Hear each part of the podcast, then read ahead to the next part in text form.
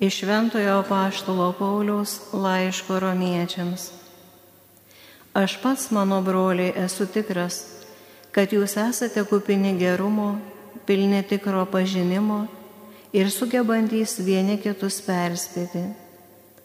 Aš jums parašiau kiek per drąsiai, norėdamas jums tai priminti ir remdamasis man Dievo suteiktąją malonę būti pagonims Kristaus Jėzaus tarnu ir kaip kunigui skleisti Dievo Evangeliją, kad pagonys taptų priimtina atnaša šventosios dvasios pašventinta. Taigi Kristuje Jėzuje aš galiu pasigirti Dievo darbais, juk aš nedrįščiau ko nors pasakoti, ko Kristus nebūtų per mane nuveikęs, kad pagonys paklustų žodžiu ir darbu, stebuklingų ženklų gale ir Dievo dvasios galybę. Tik taip aš galėjau paskleisti Kristaus Evangeliją nuo Jeruzalės apylinkių iki Ilirijos.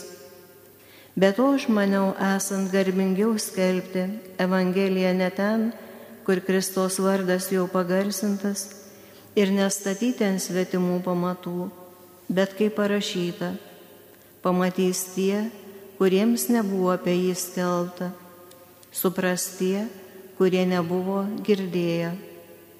Tai Dievo žodis. Dėkojame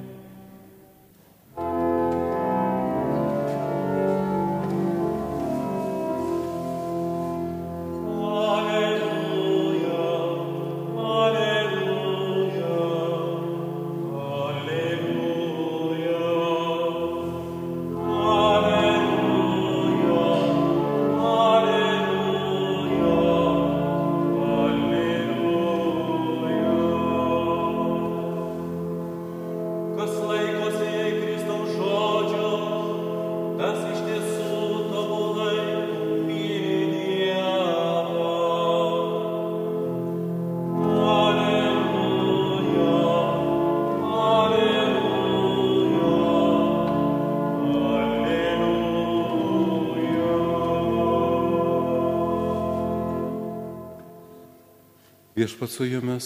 Ir su tavimi. Iš Ventosios Evangelijos pagal Luką. Garbė tau viešpatie. Jėzus kalbėjo savo mokiniams. Buvo vienas turtingas žmogus. Jis turėjo prievaizdą. Tas buvo jam apskūstas, esai kvojas jo turtą. Tuomet pasišaukęs į turtuolis pasakė, ką aš girdžiu apie tave šnekant, duok savo prievaizdavimo apskaitą, nes jau nebegalėsi būti prievaizdu. O tasai tarė savo, ką veiksiu, kad šeimininkas atima iš manęs prievaizdavimą. Kas ten neįstengiu, o elgetauti man gėda. Jau žinau, ką daryti, kad žmonės mane priimtų į savo namus, kai būsiu atleistas iš tarnybos. Jis pasikvietė po vieną savo šeimininko skolininką ir klausė pirmąjį, kiek tu skolingas mano šeimininkui? Šis atsakė, šimtas statinių aliejaus. Tada jis tarė, imk savo skolos raštą, sės ir toj pat rašyk penkiasdešimt. Paskui klausė kitą, o kiek tu skolingas?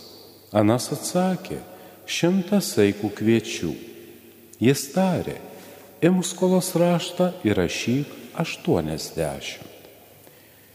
Šeimininkas pagyrė suktai prievaizdą, kad jis gudriai pasielgės.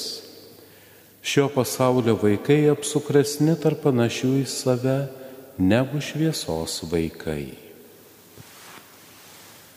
Tai viešpatie žodis. Išgirdus šios dienos Evangeliją, tikriausiai kyla klausimas, tai kaip čia su to prievaizdu yra? Ir kaip čia visai taip sukasi, kad ten skolininkų susikviečia, sako, tai mažiau rašyk, tai dar kažką tai. Ir šeimininkas dar paskui pageria, kad jis gudriai pasielgės. Tai ko čia viešpats moko? Tai tik tai pirmas žvilgsnis. Tačiau jeigu dar kartą įdėmiau pasižiūrėtumėm šios dienos Evangelijos pasakojimą, tai galėtumėm pasimokyti nemažai dalykų. Visų pirma, Jėzus, sakydama šitą pavyzdį, kalba apie vieną turtingą žmogų. Ir jis turi prievaizdą. Kartais Evangelijose žmonės turi vardus. Čia nei turtingas žmogus neturi vardo, nei prievaizdas. Ir Prievaizdas buvo apskūstas šeimininkui, kad jis eikvojas jo turtą. Ir tuomet pasišaukęs į šeimininką sako, ką aš girdžiu apie tave šnekant.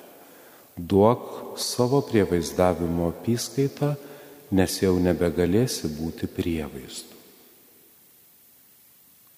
Šeimininkas išgirsta, kad jo prievaizdas elgėsi galbūt ne visai sąžiningai ir nori pats įsitikinti, ar tai yra tiesa.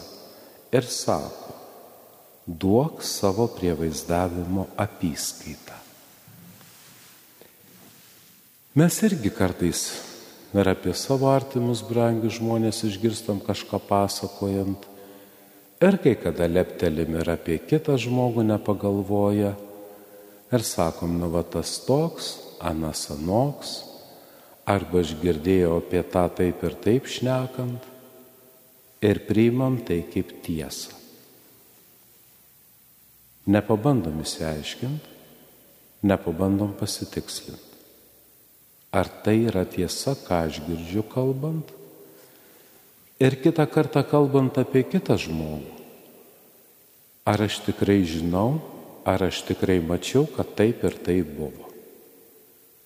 Dažniausiai nepasitaiko taip, kad pasitikrintumėm dar kartą, bet imam ir plepam beleką ir ką išgirstam, tuo ir tikim. Tai vad pirmoji pamoka, kad reikėtų įsitikinti, kad tai, ką girdimi, yra tiesa. Ir kitas dalykas, ką kalbam apie kitą žmogų, kad tikrai žinotumėm, ar tikrai būtume matę, kad tai yra tiesa, kad bet ko neplepėtume. Ir tas tarnas tas prievaizdas dabar savo galvoja, ką veiksiu, kad šeimininkas atėmė iš manęs prievaizdavimą. Kas ten neįstengiu, o elgetauti man gėda. Ir ką daryti?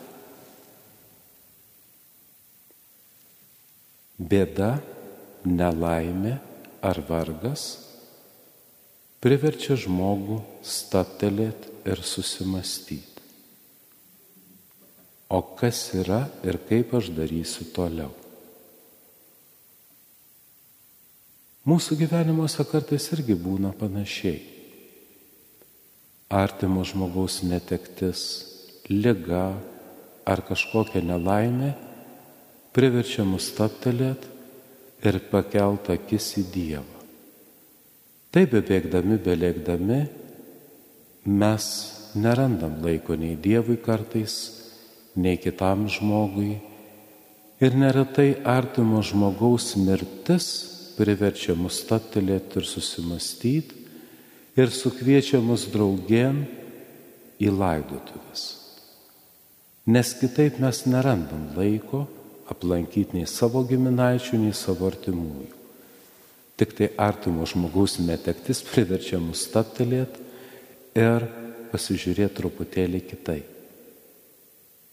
Pasižiūrėti vienas į kitą ir neretai ir prisiminti ir Dievą. Kad